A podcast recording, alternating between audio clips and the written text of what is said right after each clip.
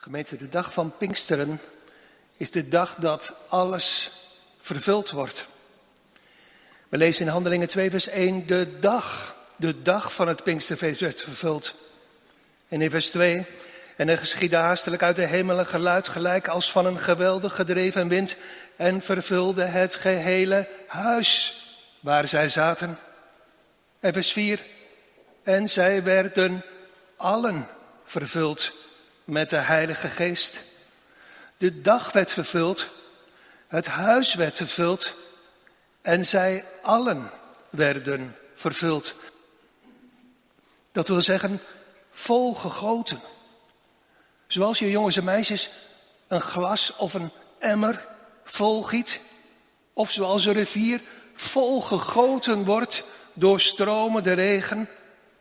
Het water is te veel, het past er niet meer in het stroomt over. Zo is het ook op de Pinksterdag. We gaan het zien in onze tekst in Handelingen 2, vers 1 tot 4. En bidden of de Heer ook ons die rijke zegen wil geven, zoals destijds op de Pinksterdag. Handelingen 2, vers 1 tot en met 4. En als de dag van het Pinksterfeest vervuld werd, waren zij allen eendrachtelijk bijeen. En er geschiedde haastelijk uit de hemel een geluid, gelijk als van een geweldige gedreven wind, en vervulde het gehele huis waar zij zaten. En van hen werden gezien verdeelde tongen als van vuur, en het zat op een iegelijk van hen. En zij werden allen vervuld met de Heilige Geest en begonnen te spreken met andere talen zoals de geest hun gaf uit te spreken. Gemeente, thema voor de preek is de uitstorting van de Heilige Geest. We letten samen op drie dingen. In de eerste plaats op Pinksterverwachting, kijkend naar vers 1. Op die dag waren zij allen eendrachtelijk bijeen. Pinksterverwachting. In de tweede plaats letten we op Pinkstertekenen. In vers 2 en 3 staat, uit de hemel was er een geluid, gelijk als van een geweldige gedreven wind. Eerste teken. En er waren verdeelde tongen als van vuur, en het zat op een iegelijk van hen. Tweede teken. En, derde teken, zij begonnen te spreken met andere talen, zoals de geest hun gaf uit te spreken. Pinkstertekenen. En punt drie, Pinkstervervulling, vers 4a. En zij werden allen vervuld met de Heilige Geest. Dus de uitstorting van de Heilige Geest op de Pinksterdag, Pinksterverwachting, Pinkstertekenen en Pinkstervervulling. Als eerste dus Pinksterverwachting. Zie je ze in gedachten lopen, jongens en meisjes, al die mensen? En zie je hoe blij ze zijn het doet denken aan wat we net zongen uit Psalm 68. Hoe vrolijk gaan de stammen op naar Sions God gewijde top, naar Jeruzalem. Want het is Pinksterfeest. En, en de mensen zingen, ze juichen als ze in de, in de verte de stad Jeruzalem zien opdoen. En uiteindelijk vanaf de Olijfberg vol verwachting kijken en vol verwondering kijken naar de stad van God. Wat een drukte daar bij Jeruzalem. Wat een mensen. En, en wat een offerdieren. Je zou, als je al die mensen ziet, denken: er is in die stad helemaal geen plaats voor zoveel mensen om die te herbergen. Wat een mooie, wat een bijzondere dag is het. En wat is er vreugde en blijdschap. De mensen zingen de lof van de God van Israël. Midden in die stad Jeruzalem zit, jongens en meisjes, een groep mensen bij elkaar. Waarschijnlijk in de buurt van de tempel. Niet in de tempel zelf, want wat hem betreft is de offerdienst voorbij. Het is volbracht. Hun meester is als het lam van God geslacht aan het kruis toen hij stierf op Golgotha. En hij is naar de hemel gegaan En heeft hen beloofd de trooster, de Heilige Geest, te zullen sturen. Ze zijn met elkaar, zo staat in vers 2, in een huis. Met 120 mensen bij elkaar. Iets minder als dat er vanochtend hier in de kerk zijn. Maar toch een grote groep in een huis. En die 120 mensen, staat er, die zijn eendrachtig. Dat wil zeggen gezamenlijk als één geheel. Volhardend in het bidden en smeken. Dus als je door de deur van het huis naar die mensen kijkt, dan vallen twee dingen op. En de vraag is natuurlijk of dat die dingen zijn waardoor wij ook zouden opvallen als er iemand van buiten door de deur naar binnen zou kijken. Twee dingen vallen op aan die 120 mensen. Het eerste is, ze zijn eendrachtig, staat er. Ze hebben misschien niet hetzelfde uiterlijk, of dezelfde kleding, of hetzelfde taalgebruik, maar ze zijn eendrachtig. Dat wil zeggen, één van hart. Ze maken geen ruzie met elkaar. Ze discussiëren niet, ze twisten niet over wie de meeste is. Het is zoals voorheen de Heer Jezus zei. Hieraan zullen zij allen bekennen dat u mijn discipelen bent, zo u liefde hebt onder elkaar. Want dat geldt nog steeds. Waar liefde woont, daar gebiedt de Heer zijn zegen. Ze zijn met liefde als één van hart zijnde bij elkaar. En, en dat is het tweede, wat doen die mensen daar? Die daar in dat huis zo vredig bij elkaar zijn. Het tweede waardoor ze echt opvallen in de stad is, ze bidden. Gemeente, jongelui, wij vallen ook op in onze samenleving. Als gegemmers, als refo's, maar de vraag is natuurlijk wel, volwassenen, jongeren, ouderen, vallen wij ook op door deze twee dingen? Door onze eendracht, door onze onderlinge liefde en door ons gezamenlijk bidden. Hier in de kerk, zondags, door de weeks. Zij volharden dag in dag uit in het bidden en smeken. Ze volharden, dat wil zeggen, ze hielden vol. Ze stopten niet. Wij doen het vaak anders. Ik ook. We bidden een moment, even. En dan staan we teleurgesteld op en denken: Ja, maar nu heb ik wel iets gebeden, maar zou de Heer me wel horen?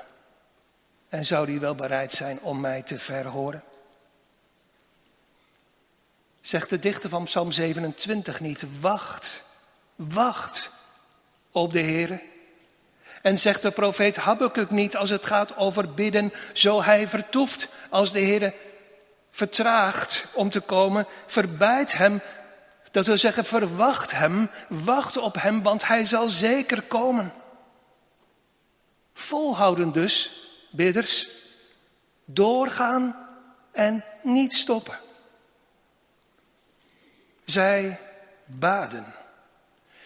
Zij aanbaden God met blijdschap ook om de grote dingen die Hij in hun leven had gedaan en in de wereld had gedaan, zoals staat in Lucas 24.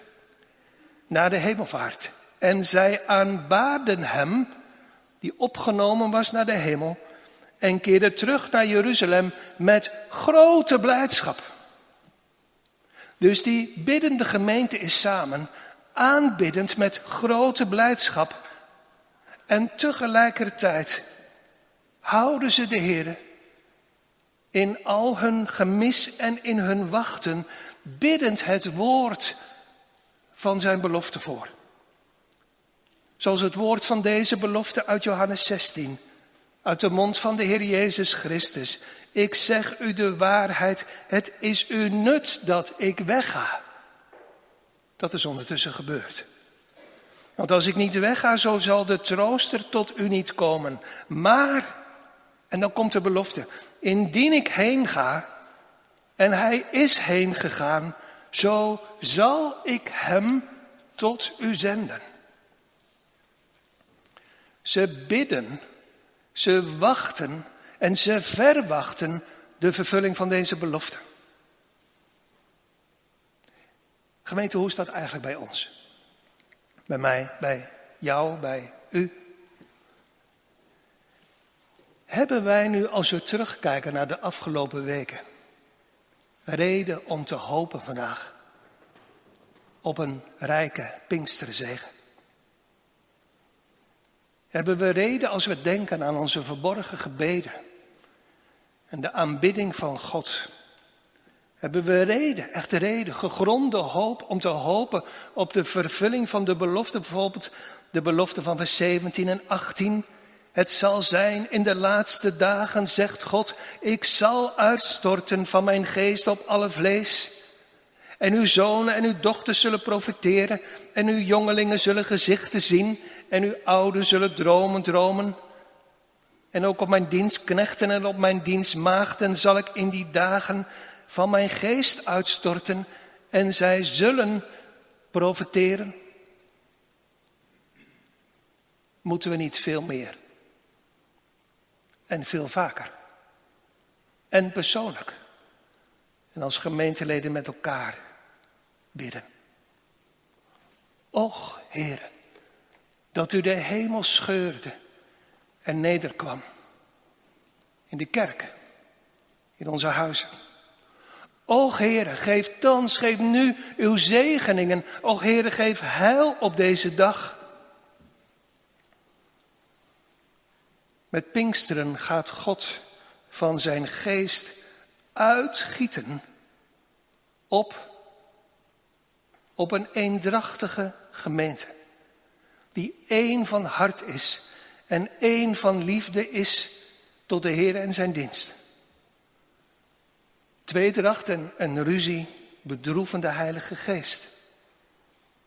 Met Pinksteren gaat God zijn geest met overvloed uitgieten op een eendrachtige gemeente, maar ook op een biddende gemeente. Waar lege handen zijn, waar gebrek is, waar geestelijke armoede is, waar wij niets van onszelf bezitten. Waar gevraagd, waar gebeden, waar gesmeekt wordt, pleitend op de belofte, op uw noodgeschrei zal ik grote wonderen doen. Met Pinksteren gaat God zijn geest uitgieten op een eendrachtige gemeente, op een biddende gemeente en op een volhardende gemeente. Dat wil zeggen, jongens en meisjes, op een gemeente die, die doorgaat en die maar blijft bidden. Als jullie jongens en meisjes bidden op je kamer, op dat plekje wat je een tijdje geleden hebt gezocht, of heb je dat nog niet gedaan? Moet je doen vandaag. Als je daar dan stilletjes op dat plekje bidt. Zeg eens, hoe lang hou je dan je handen gevouwen en je ogen dicht? Of ben je heel snel klaar? Volwassenen, ouderen, hoe volhardend zijn mijn en uw en jullie verborgen gebeden? Hoe lang hou je handen samen en je ogen dicht of naar de hemel gericht? Twee minuten? Drie minuten? Tien minuten? Of, ja, of bidden we eigenlijk alleen als het nodig is? Althans, als wij denken dat wij iets nodig hebben. Ligt hier niet veel gebrek bij mij en bij u? Deze 120 mensen volharden.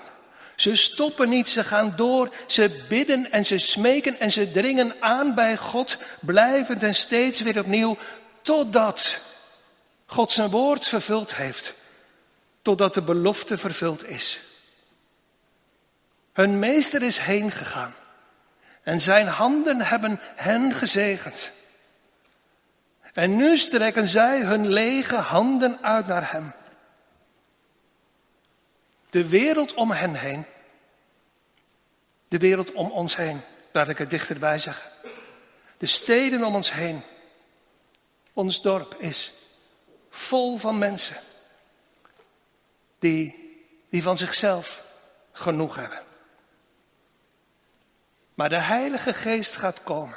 Ging komen destijds in Jeruzalem en gaat nog steeds komen naar mensen die bidden, die smeken, die uitzien, die volharden, die verwachten. Zo vallen zij op in Jeruzalem. Vallen wij zo ook op in ons dorp, in onze samenleving?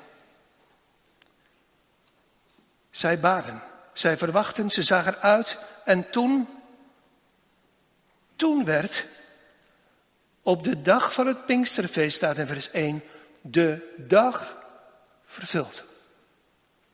Het was niet toevallig Pinksteren, zoals er nu toevallig Pinksteren is op 23 mei. Maar staat er, de dag werd vervuld. Deze dag, met andere woorden, is de dag van de vervulling van Gods belofte. Waar ze om gebeden hebben, waar ze eruit gezien hebben, die ze verwacht hebben. Ze hebben niet deze dag zelf uitgekozen. Ze hebben rijkhalsend uitgekeken naar dat moment. Gebeden en gesmeekt totdat het Godstijd was. Zoals het nog steeds is. Mensen die, die rijkhalsend, biddend uitzien naar de vervulling van Gods belofte in hun leven. U zult het zien op Gods tijd. Die het beloofd heeft is getrouw. Dat wil zeggen, die is betrouwbaar. Die het ook doen zal. En het was vol van goddelijke wijsheid. Dat toen, in dat jaar, de dag van de vervulling van Gods belofte samenviel met het Pinksterfeest. Vijftig dagen na Pasen. Eigenlijk was die hele periode tussen Pasen en Pinksteren één grote feestperiode, het feest van de weken. Dat begon op de tweede dag na Pasen. Dan bewoog men de ham van de gerstenoogst als offer, als teken van dank, overgave en toewijding voor de Heer.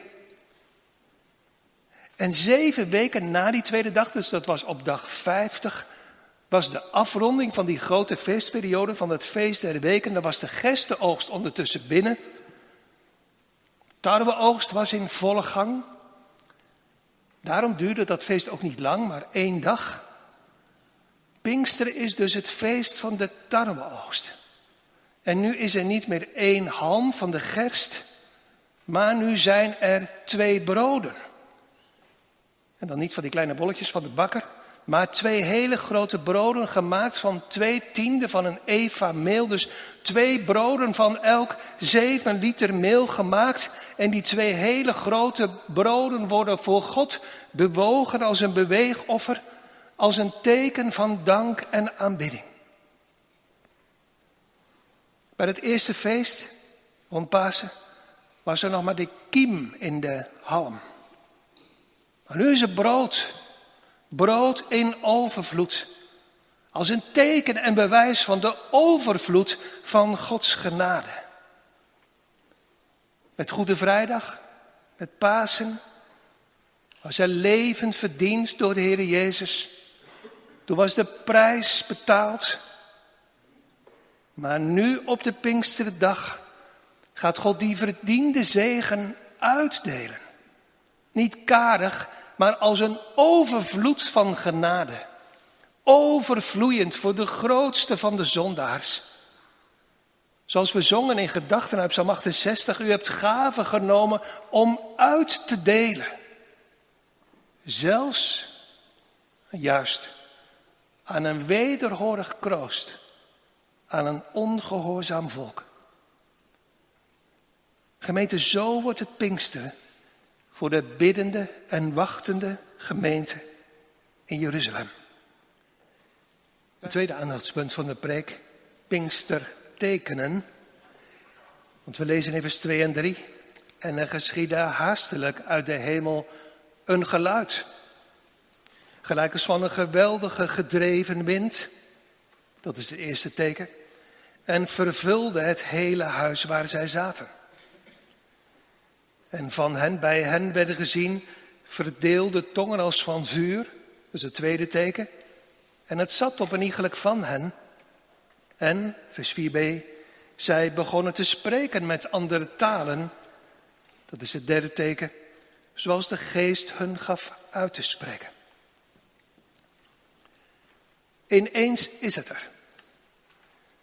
Ze wachten erop en ze verwachten het. Maar toch lijkt het ineens onverwachts te komen. Het komt uit de hemel. Het geluid als van een geweldige wind. Het klinkt als een geweldige windvlaag, een voortgejaagde, een gedreven wind.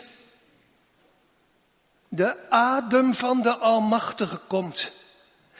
En deze kleine gemeente van 120 mensen, zo zou je kunnen zeggen, wordt plotseling opgenomen in de storm van Gods handelen in die nieuwe tijd die is aangebroken.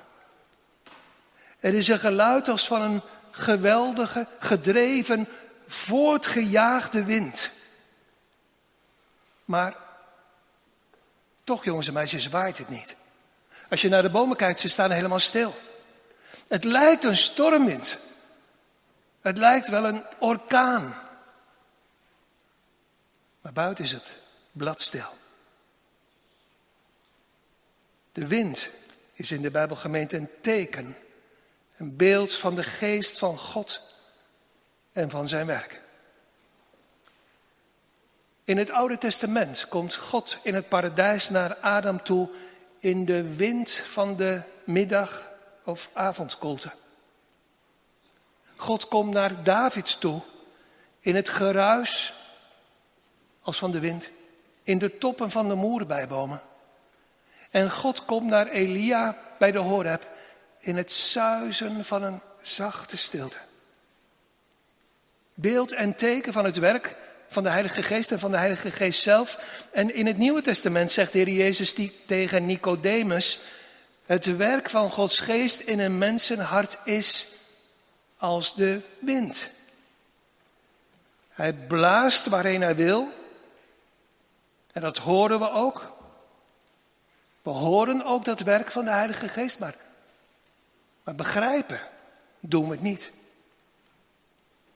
Dan waait de wind schraal uit het noorden, onstuimig uit het westen, mild uit het zuiden. En we zien het en we merken het, maar begrijpen doen we het niet. Veel minder kunnen we het vastleggen dat werk van de Heilige Geest in onze schema's. Waaraan, en u, u voelt hoe arrogant dat is tegenover God, waaraan de Geest zou moeten voldoen, zodat wij het kunnen goedkeuren of afkeuren. Dit is het werk van de Heilige Geest. Het zijn woorden uit de mond van de Heer Jezus zelf. Hij zal de wereld overtuigen. Letterlijk staat er ontmaskeren. Overtuigen van zonde, van gerechtigheid en van oordeel. En die geest zal het uit mij nemen en u verkondigen. Dat wil zeggen, de Heilige Geest overtuigt van zonde. Maakt arm en brengt arme zondaars tot Christus. En we zien het. En we merken het. Ook in de gemeente. Maar we weten niet hoe hij het doet. De geest, de wind van de geest, laat zich niet binden. En laat zich al helemaal niet vangen in onze kleine boterhamzakjes. Vader Brakel zegt als het gaat over het werk van de Heilige Geest dit. Sommigen, sommige mensen, worden in hun kindsheid wedergeboren als ze drie, vier, vijf of zes jaar oud zijn.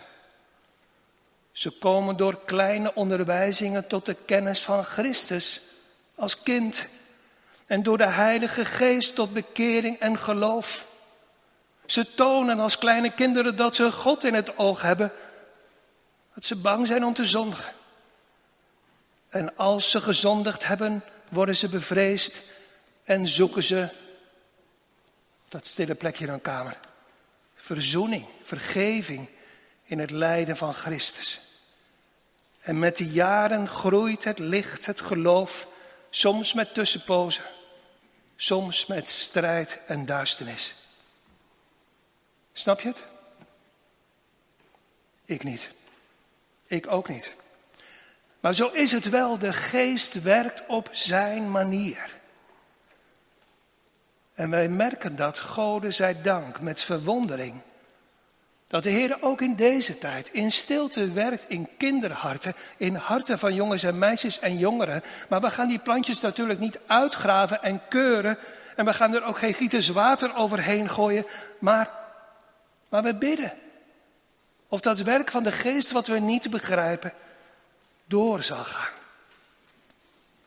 Want wie van ons begrijpt dat werk van de Heilige Geest nu? Als hij werkt in kinderen, in jongeren, in volwassenen en in ouderen die nooit naar God gevraagd hebben. Soms krachtig en plotseling, zoals in het leven van Saulus van Tarsen. Soms kalm en geleidelijk, zoals bij Timotheus. We zien het, we merken het, net als de wind. Maar begrijpen doen we het niet. En wat we er al van weten, dat weten we, om zo te zeggen, van, van horen zeggen. Van de geest zelf. Als hij vertelt in de Bijbel over zijn eigen werk. Hij blaast met de adem van zijn geest in dode zondaren. Blaast nieuwe adem en nieuw leven in mensenharten. Hij blaast ook in onze dodelijke rust, overtuigd van zonde en van de schijn van onze eigen werken.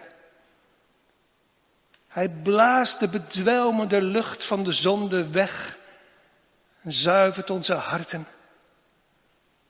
Hij blaast als de geest der genade en der gebeden leven in onze gebeden zodat we gaan roepen om genade. En hij blaast letterlijk zondaren tot Christus, die alles heeft wat zij nodig hebben. En hij komt wonen in onze harten.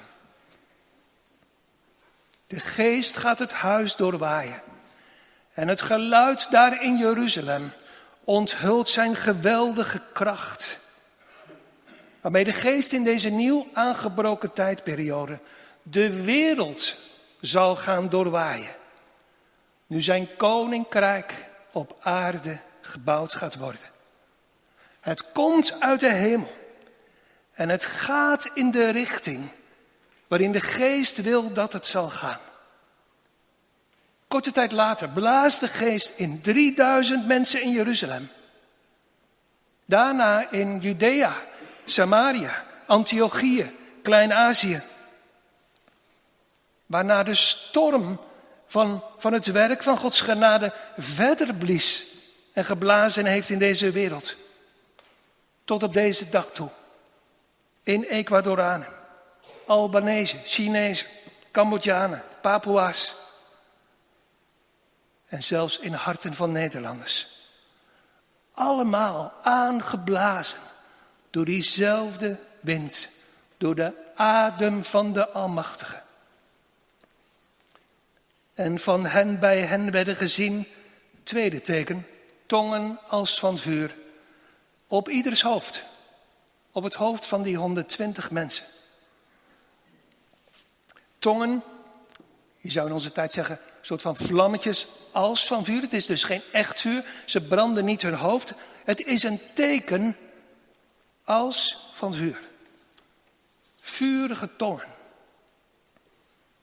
De kanttekening van de Statenvertaling schrijft daarbij, waarmee beduid, bedoeld werd dat de Heilige Geest de harten van de apostelen en van hun toehoorders ontsteken zou met, en dan komen er drie dingen, met het licht van de kennis van God, met vurige liefde tot God en de naaste en met ijver tot Gods eer en der mensen zaligheid.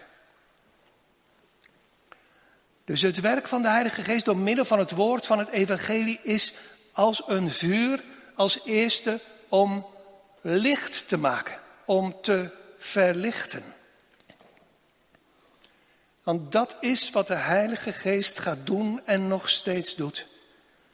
In de harten van de mensen op de Pinksterdag en later en nu wereldwijd licht ontsteken in onze duisternis.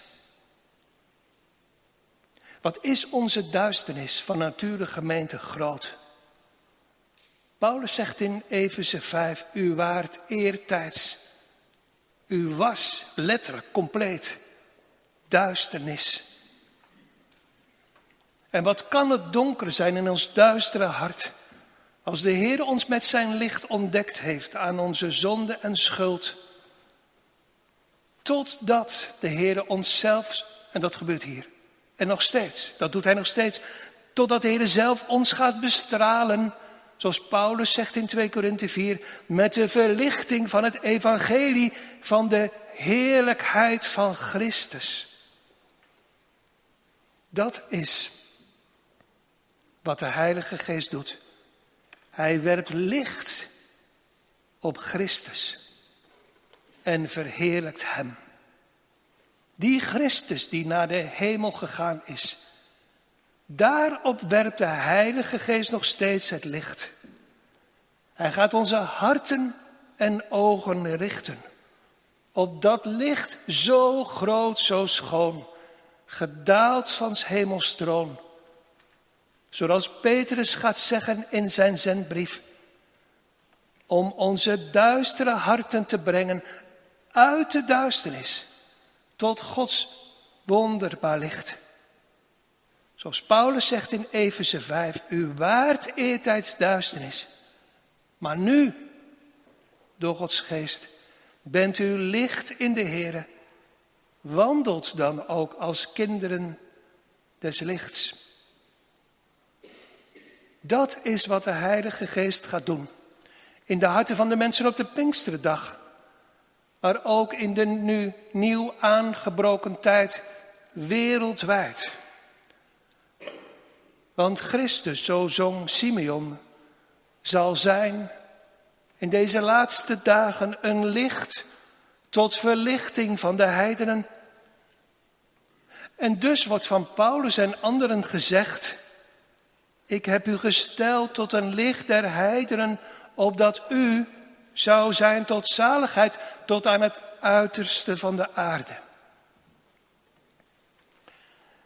Heb je wel eens afgevraagd, jongelui, jongeren, volwassenen. Heb je wel eens afgevraagd voor het aangezicht van de Heer? Of dat licht wat de Heilige Geest ontstoken heeft in je eigen ziel geen licht is om door te geven. Zoals die verdeelde tongen die zich verdeelden, die zich verspreiden, of het geen licht is om door te geven aan, zoals het in de Bijbel heet, aan heiden en mensen die God en de Bijbel niet kennen. Het zij in Nederland of ergens ver weg in deze wereld. Met, zoals de kanttekening zegt, vurige liefde tot God en daarnaast. En met een vurige ijver tot de eer van God en de zaligheid van mensen. De wind van de geest waait in deze laatste dagen met kracht door deze ondergaande wereld om mensen tot Christus te brengen. Is het dan tijd om in die laatste dagen, zo vraag ik u persoonlijk, hier in Capelle, Bieselingen, Wemeldingen of waar dan ook. Te werken, te slaven en te sloven voor dingen die voorbij gaan. Brand de liefde tot God en de liefde van Christus en de liefde tot de zaligheid van onze medemensen dan niet als een vuur in ons hart, Miljoenen mensen gaan in deze wereld ten onder. Kan je dan? Mag je dan? Wel rustig hier voor jezelf leven. Terwijl wereldwijd, maar ook zo dichtbij hier in Zeeland en in Nederland, zoveel mensen verloren gaan. Waar is het vuur van de geest? In ons midden en in ons hart. Vergeet, geliefde mede-christenen, de laatste woorden van uw heengaande meester niet. Het is een belofte en een opdracht. U zult mijn getuige zijn. Zo Jeruzalem, hier in de buurt. Als in geheel Judea en Samaria. En tot aan het uiterste van de aarde. Ons derde punt. En daarmee zometeen ook het derde teken.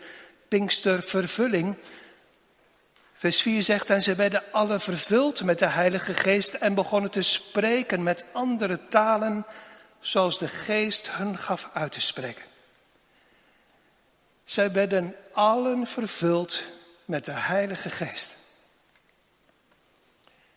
Wat betekent dat, jongens en meisjes? Misschien vind je het wel moeilijk als iemand aan je zou vragen en zou zeggen: Maar wat betekent eigenlijk Pinksteren? Wat, wat doen jullie met Pinksteren? Waar denken jullie dan aan? Wat, wat zou je dan zeggen? Dat is denk ik best moeilijk om uit te leggen. Als iemand vraagt wat gebeurde er met kerst, met Goede Vrijdag, met Pasen, Hemelvaart, je zou het zo kunnen vertellen. Maar wat gebeurt er nou eigenlijk precies met Pinksteren? Luister goed, ik zal het je proberen uit te leggen. Je mag op Pinksteren denken aan een verhuizing. Ik weet het, het klopt niet helemaal. Wel een beetje. Maar ik gebruik het om het je uit te leggen. Wat gebeurt er met Pinksteren? Je moet denken aan een verhuizing. Je weet hoe, hoe dat gaat. Het gaat overal precies hetzelfde in deze wereld. Je zoekt. Je kiest een huis. Je onderhandelt over de prijs van het huis, hoeveel er betaald moet worden. Je tekent de overeenkomst, het contract. Je betaalt de prijs. Je krijgt de sleutel. Je gaat naar het huis toe. Je gaat het helemaal schoonmaken. Van de zolder tot de benedenverdieping. En dan verhuis je. En hoe langer je woont, hoe meer je dat huis gaat maken zoals jij het graag wilt hebben. Vroeger woonde de Heer in Israël dichtbij zijn volk. In, dat weet je, in de tent, in de tabernakel en later in de tempel. Heel dichtbij. Maar nu met Pinksteren zou je kunnen zeggen, nu gaat de Heer verhuizen. Nu komt Hij nog dichter bij wonen. De Heilige Geest, zou je kunnen zeggen, komt met zijn licht en genade wonen, niet bij, maar in het hart van zijn kinderen. Hij komt in hun hart, hij vervult hun hart. En daarom zeggen we, ze werden vervuld, ze werden vol in hun hart van de Heilige Geest.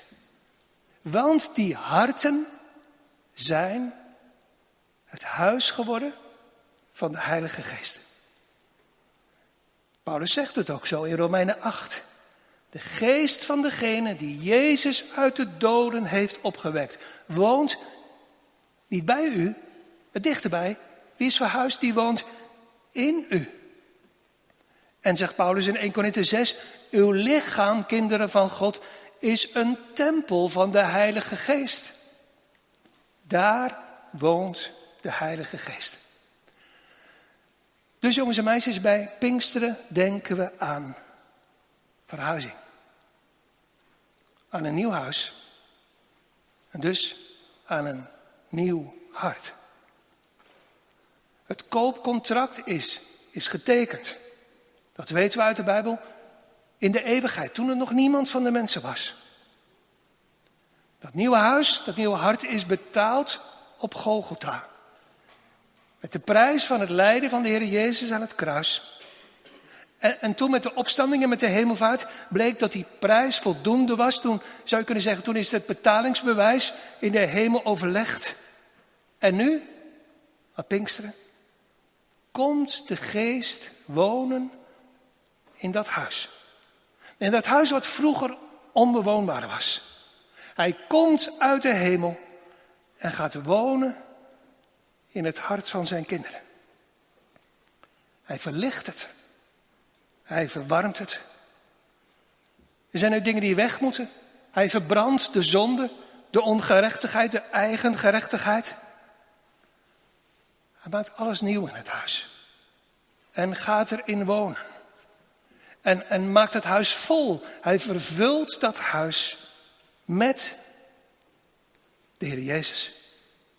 En hij steekt het licht aan in het huis en laat het licht ook door de ramen naar buiten, naar de wereld schijnen. Dat, jongens en meisjes, is echt het grootste geluk wat je in deze wereld kunt krijgen. Echt waar. God woont in je hart. En je hart is een nieuw hart. Wat geeft dat gemeente een machtige ontroering? En wat brengt dat grote blijdschap? Als de beloofde trooster ons hart vervult. En Christus gaat groot maken. Wat brengt dat een onmiskenbare ommekeer teweeg in ons leven? Kijk maar in vers 4b. Wat gebeurt er direct daarna? Zij begonnen te spreken met andere talen, zoals de geest hun gaf uit te spreken. Opeens hoorden al die mensen, die van heinde ver naar Jeruzalem gekomen zijn, in hun eigen taal, dat zij, die 120 mensen, staat hier, de grote werken van God spreken.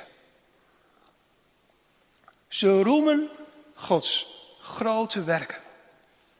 Hun hart, zoals ik in het begin zei, is vol gegoten met de Heilige Geest, maar het stroomt over. Het komt eruit. Uit hun hart, uit hun mond. En wat doen ze? Ze gaan niet over zichzelf praten. Ze prijzen Gods grote daden. Namelijk in het zenden van zijn lieve zoon Jezus Christus. In deze verloren wereld. De wind van de geest drijft hun hart tot vurige ijver. En het vuur van de geest dringt ze tot vlammen spreken. In, en dat valt hier op, in allerlei talen. Ineens blijkt, want als het over talen gaat, dan denken we terug aan de spraakverwarring in Babel, in het Oude Testament. Ineens blijkt dat het gevolg van de oude zonde in Babel destijds, die leidde tot de spraakverwarring, geen belemmering zal zijn voor de wereldwijde verspreiding van het evangelie van Christus Jezus. Sterker nog, het omgekeerde wordt waar. Koning Jezus zal meer dan ooit gaan schitteren. Onder al die groepen van mensen waar er hier maar een paar van genoemd worden. Parthers, Medes, Elamieten, inwoners van Mesopotamië, Judea, Cappadocië, Pontus, Klein-Azië, Frigië, Pamphylië, Egypte, de delen van Libië, dat bij Cyrene ligt, uitlandse Romeinen, bij de Joden en Jodengenoten van Kreta, Arabieren en, en nog veel meer. Christus zal lof toegezongen worden in alle talen. Uit de monden van de mensen van meer dan 6000 volken en etnische groepen in deze wereld. En dat is gemeente tot slot een bemoediging voor aanstaande zendelingen, ook in het midden van de gemeente. En ik hoop werkelijk dat er heel veel zullen volgen. Maak je, beste vrienden, broeders en zusters, geen zorgen om de taal. Wees in geen ding bezorgd. Zendingswerk, en dat staat op Pinkster in het middelpunt, is Gods werk. En de Heilige Geest doet letterlijk alles. Geef liefde, geef vuur, geef ijver. Geef het vermogen om de moeilijkste talen te leren. En geeft woorden. Ook dichtbij in Jeruzalem. En tot aan het einde van de aarde om te spreken. Woorden om te spreken, want zo zegt Calvijn, de geest bindt zich aan het woord. Wees dan bemoedigd. En ga heen. Waren dat niet de laatste woorden van de Heer Jezus Christus? Ga heen, wie u ook bent, thuis of hier in de kerk, wees getuige van Christus. Zo te Jeruzalem, hier thuis, in Capelle, Wieselingen, Wemeldingen. Zo te Jeruzalem als in geheel Judea en Samaria. Of zelfs heel ver weg. Tot aan het uiterste van de aarde. Amen.